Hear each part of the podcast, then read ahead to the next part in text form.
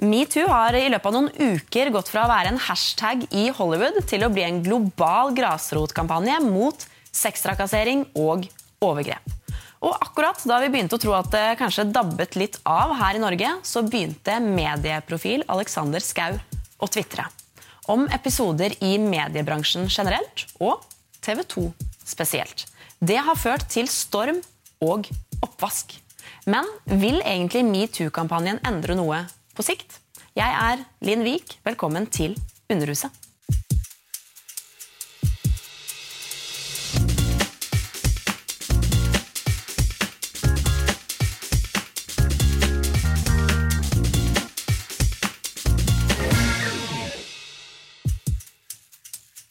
Tore, du er assisterende leder i Sex og samfunn, en av mange som har eh, engasjert seg i metoo-debatten.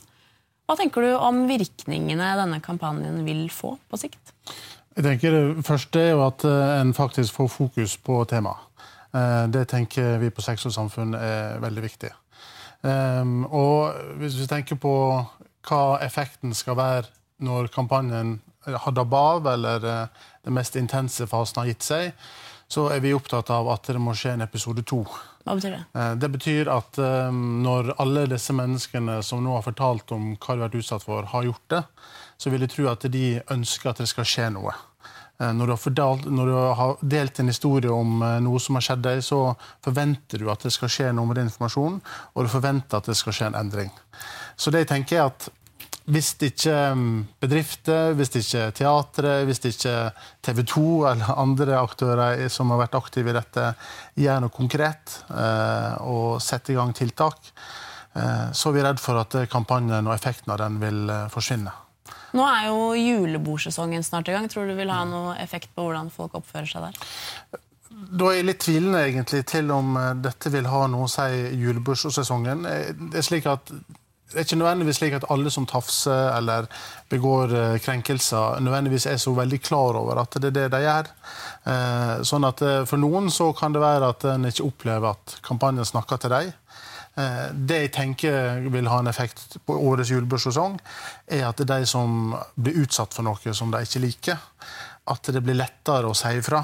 Og at det blir lettere å skjønne at dette som jeg nå blir utsatt for, dette er ikke ålreit.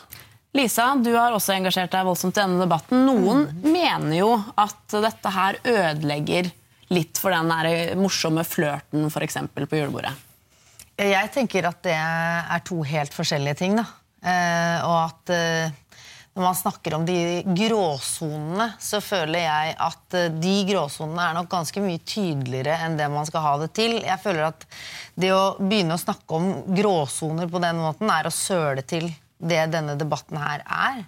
Eh, for jeg tror at de aller fleste egentlig inni seg kjenner når de går over en strek. Og det at man skal kunne tulle, man skal kunne eh, flørte, men man skal vite når det er nok. Og hvis noen gir uttrykk for at når, nå er det nok, så skal man ikke pushe videre. Det er på en måte så enkelt. Og tydeligvis så vanskelig, da. Tror du folk vet selv hvor den grensa går? Ja, jeg tror jo at de egentlig eh, Forhåpentligvis Jeg håper jo det at de lengst der inne vet hvor den grensa går. Og så blir den grensen pushet fordi det også eh, har vært altså Det metoo-kampanjen gjør nå, er jo som du sier, at det gjør det lettere å si fra. Det gjør det lettere å sette eh, ned foten. Når du får den der ubehagelige følelsen i magen som du kjenner sånn Nei, det her er ikke greit. Så er det lettere nå å si dette her er ikke greit, istedenfor at man bare blir sånn he-he-he og bare blir med på noe som man egentlig ikke syns er ålreit, og man tør ikke å si fra etterpå fordi det kan få konsekvenser for arbeidet ditt, det kan få konsekvenser i miljøet rundt deg. ikke sant? Og det skal jo få konsekvenser, men det skal jo ikke få konsekvenser for den som er utsatt for det. Isabel, for deg også, Du er aktiv likestillingsforkjemper. Du er en av initiativtakerne til kampanjen Hun spanderer, mm. som også skal fremme likestillingsarbeid. Hva tenker du om hele metoo-kampanjen? Jeg tenker jo MeToo-kampanjen er en kjempeviktig kampanje fordi det belyser en enormt viktig og alvorlig problemstilling som fortjener å få mye mer oppmerksomhet. Dette er jo ikke eh, noe nytt. Dette er noe kvinner, eh, og til dels eh, menn, har opplevd i alle år. Men med, da, altså, men med, sosiale medier og internett har gjort det veldig mye enklere å vise mangfoldet og bredden i problemet. Og som du påpeker, gjort det mye enklere for eh, jenter å føle seg trygge på å komme frem og si noe. Men eh, du kan si at eh, hun spanderer om metoo, eh, selv om de eh, begge to eh, bekjemper problemer som er relatert til diskriminering og trakassering, så er de ganske forskjellige. Hun spanderer altså Metoo adresserer noe som er veldig opplagt feil hvis du sier det. Altså denne seksuelle trakasseringen. Eh, om du har riktig rammeverk, så er det lett å slå ned på det.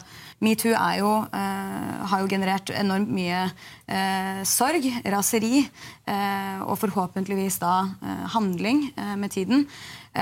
mens hun spanderer ønsker å ha en positiv tilnærming til problemet ved å være inkluderende. for vi tror at det er den beste måten å få med alle å bekjempe den saken her, fremfor å peke fingre. Vi skal få inn én eh, gjest som definitivt metoo har fått konsekvenser for eh, denne uka. Vegard Jansenhagen, redaktør i TV 2-sporten. Det begynte jo med Alexander Schou sine Twitter-meldinger, og så kom det opp fem saker som vi vet om til nå, som har skjedd i TV 2-sporten. For noen år siden så kom det en ung kvinnelig reporter til deg og fortalte at hun hadde blitt utsatt for seksuell trakassering av en mannlig kollega av dere, en sportsprofil. Hva gjorde du da hun fortalte det? Eh, åpenbart ikke nok. Jeg ga en, eh, en advarsel til, eh, til, vedkommende. Det var for lite, for, eh, for svakt. Og jeg kan ikke skylde på andre enn meg sjøl når det gjelder at jeg skulle gått tydelig inn og fått full informasjon i, i saken og kastet vedkommende på hodet ut. Det skjedde først i en god stund eh, etterpå, og, og det er svakt lederskap. og det er det jeg har forsøkt å signalisere også veldig tydelig denne, denne uken, og, og, ta ansvar for, eh, for, nettopp det. For Det tok jo da halvannet år før han var ute av sporten. Hvorfor gjorde du ikke noe? Jeg ga en advarsel. Jeg gjorde det. og jeg... Um, Syns du da at det holdt? Nei, nei, og når jeg sitter her i dag, uh, overhodet ikke. Og selvsagt, selvsagt, ikke. Og jeg forsøkte å, å løse det via, via dialog og, og, snakke med dem. Uh, og jeg manglet nok en, både en, en, bevissthet rundt og en kompetanse rundt det.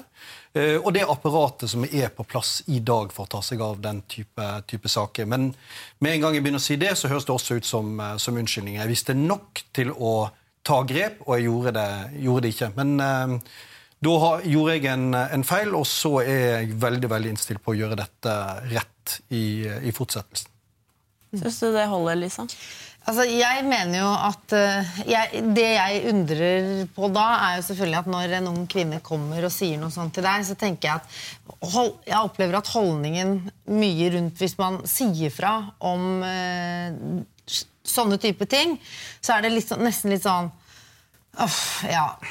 Ja, du vet jo han. Altså Nei, men altså, altså Det på en måte nesten latterliggjøres. da. Jeg vet jo ikke hvordan du var i forhold til henne. For det er jo ikke noe hyggelig for henne å komme og fortelle deg dette her heller. Så for meg blir det også viktig hvordan du møtte henne. Ikke bare det at du ga henne, han en advarsel på det, men altså måten den som kommer og varsler, blir møtt på.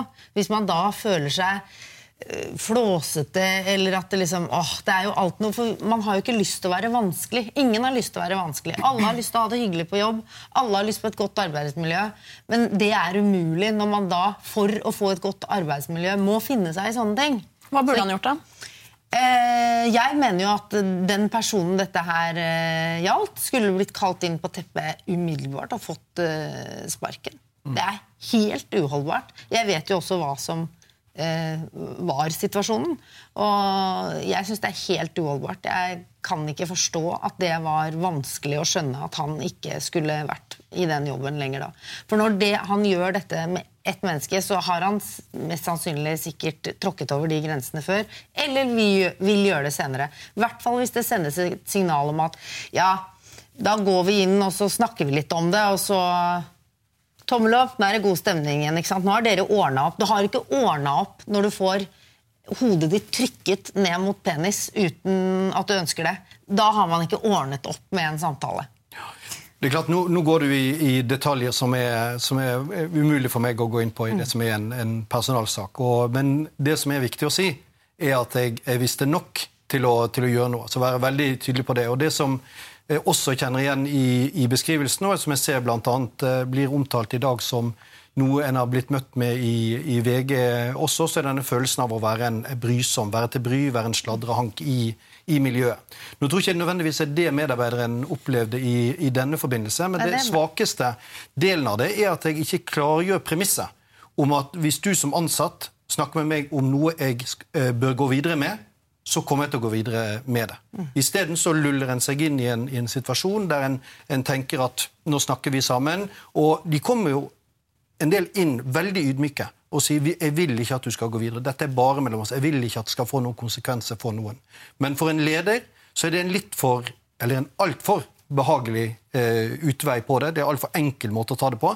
En må klargjøre at det du sier nå, kommer jeg til å gå, gå videre med, og så må en ta resolutt aksjon. Ja, og, i, i, og også når da for, for jeg kan jo kjenne meg igjen i den der å gud, ikke si noe, ikke lag noe rundt dette. ikke, For da blir jeg liksom Det får konsekvenser for meg i mitt arbeidsmiljø. og alt sånn. Da er det jo, mener jo jeg at det er sjefen sin oppgave å si jeg står 100% bak deg i dette her. Jeg har ryggen din. Virkelig. Dette her er helt feil. Det er helt riktig at du sier fra. Altså Sånn at personen som har kommet med denne saken til deg, føler seg ivaretatt og trygg på at ok, jeg har faktisk rett. Det er faktisk rett at jeg føler at dette ikke var greit. For dette var virkelig ikke greit. Nei, altså Jeg har et spørsmål. altså sånn, eh, i form av at Det er jo helt opplagt at du er lei deg for dette nå og legger deg helt flat. Eh, Men jeg lurer på om du liksom ville gjort de samme eh, refleksjonene og vært like tydelig på det gale du har gjort, eller den, den gale avgjørelsen du tok da, om ikke det var for metoo-kampanjen. Altså sånn, Det er det jeg tror kanskje mange vil lure på. liksom, Hvor genuint er det? da? Og hvor, hvor lenge vil dette vare, gitt at man ikke på en måte setter standarden nå? Angrer du for at du ble tatt? på en måte, eller Ja, nei, angrer det, det er jo et veldig godt spørsmål. Jeg, jeg tror nok mange ser når noen går ut og beklager sånn i, i etterkant av, av den Twitter-tiraden til Alexander Schou, så, så tenker jeg det er, det er veldig naturlig. Og det er ingen tvil om at det er en push til å ta det oppgjøret eh, offentlig. Men jeg tror jeg skal være veldig tydelig på at eh, dette er et arbeid som har eh, pågått eh, i TV 2 og i TV 2-sporten eh, over tid. Jeg syns vi er blitt langt bedre. Det handler både om den interne eh, sjargongen, det handler om de åpenbare sakene som vi, som vi her eh, snakker om. Så vi er kommet der. Men det som skjer når Alexander Schou går ut med, med disse tweetene, er jo at vi er nødt til å gå ut offentlig også og være veldig tydelige på det som er vårt, eh, vårt budskap. Og Det er eh, brutalt, det er nådeløst eh, rett og slett å gjøre, og da kommer også saken opp. Da kommer det opp gamle saker, det kommer opp nye saker, og det betyr at vi er i stand til å kunne gå videre eh, med det. Og jeg opplever at de som jeg snakker med nå, som jeg egentlig har tenkt litt sånn at de, de var nå egentlig fornøyd med at noen var blitt kastet ut, og så gikk vi videre. Og så er det en fantastisk arbeidsplass å, å være på. og Det er viktig å huske på. Men så er det faktisk for de, ser jeg, veldig viktig å få det som de får nå. Nemlig nærmest altså en form for offentlig oppreisning på det de har, eh, har vært Men igjennom. spørsmålet egentlig, Vegard, er jo da om du hadde gjort dette her hvis det ikke hadde vært for Alexander Schou og metoo.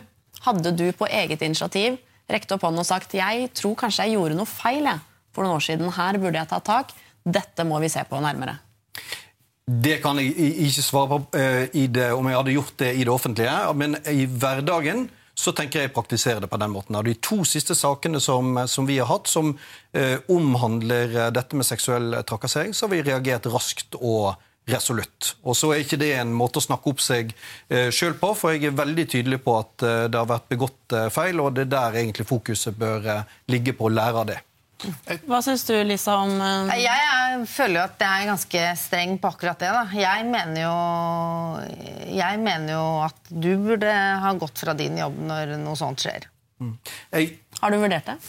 Ja, jeg tror, jeg tror ingen går gjennom eh, noe sånt. og ingen, altså Disse hendelsene og situasjonene spoler du gjennom i, i hodet utallige eh, ganger rundt deg. Og hvis du ikke reflekterer over din egen egnethet som leder eh, etter, å, etter noe sånt, så, så tenker jeg at Men samtidig, hvis det virkelig på en måte at den kampanjen, Da ser man jo at den kampanjen her gjør noe viktig. Bare det at du på en måte må nødt til å sitte her eh, nå og snakke om disse tingene og blir nødt til å ta tak i det. Og da håper jeg jo selvfølgelig at det er genuint. At det ikke er en sånn Ok, nå må jeg være med på dette her, fordi nå, jeg ble tatt.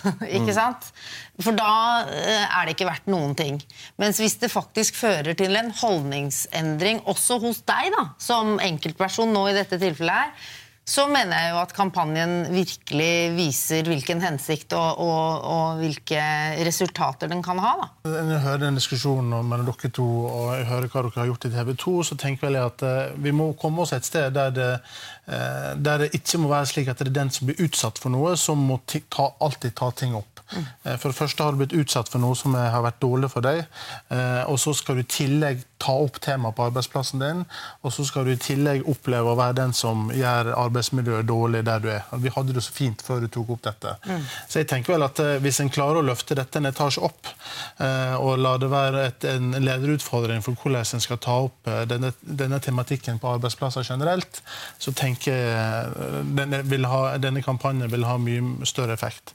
For det blir på en måte, jeg tenker det blir på en måte et ytterligere press og en ytterligere belastning på den som blir utsatt for noe hvis det alltid er den som blir utsatt, som må ta ting opp. Jeg snakka i går med Statens arbeidsmiljøinstitutt. De har sammenfattet en del tall på dette her, som viser at 8% av norske kvinner føler seg seksuelt trakassert én eller flere ganger i måneden, mot 2% av norske menn.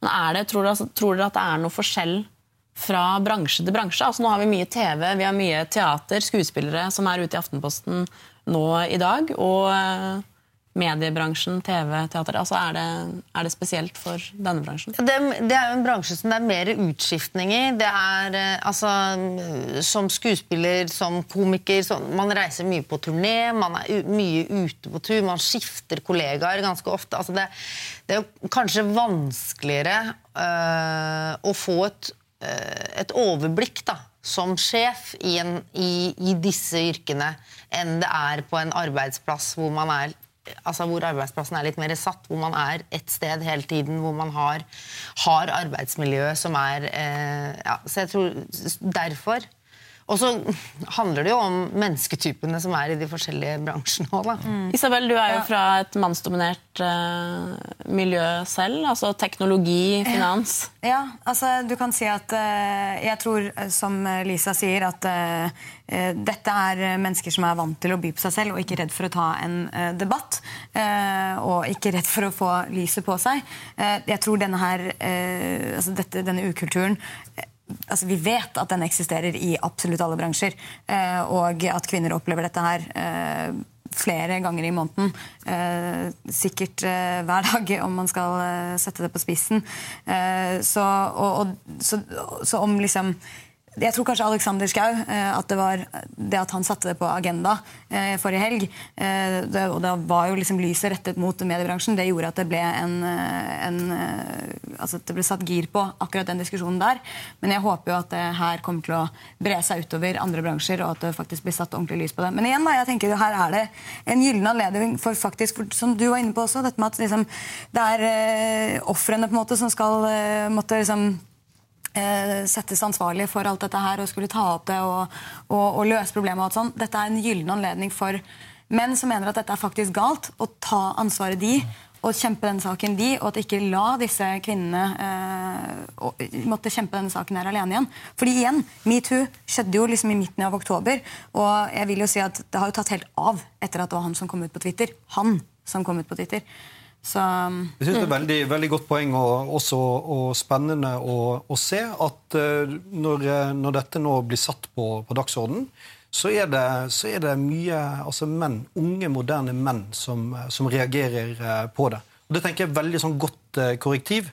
For min egen del er jeg jo vokst opp i en, i en bransje med, i en, i en, sportsredaksjon der en har en, en form for garderobekultur som etter hvert krasjet med, med, med, unge, ikke minst unge kvinner som, som, kom inn. Og vi endret ikke sjargongen, vi endret ikke måten vi, vi, vi snakket på og, og, viste det. Og det synes jeg, dette er jo egentlig ikke, ikke, veldig vanskelig. De fleste vet hvor de grensene, grensene går.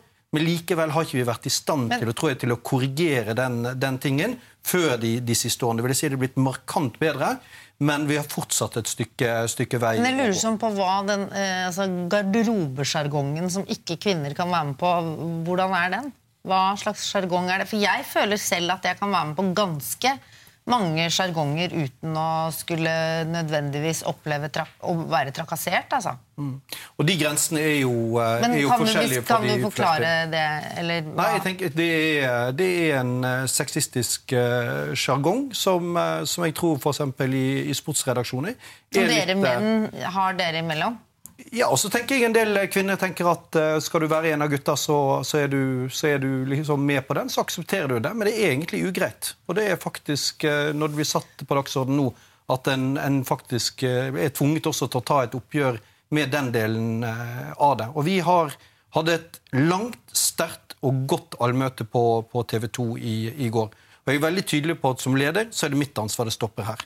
Men blant kolleger også så er det et helt tydelig ansvar etter hvert på å ta opp de sakene som en opplever som, eh, som eh, problematiske, og adressere det på en, eh, på en skikkelig måte. Og Det tenker jeg kommer til å være noe av det beste i det. Det var det vi rakk. Jeg antar at du ikke kommer til å glemme metoo før julebordsesongen er i gang. Og hvis det er noen av dere som lurer på hva som er grei og ikke grei oppførsel på julebordet, så har jeg ett råd.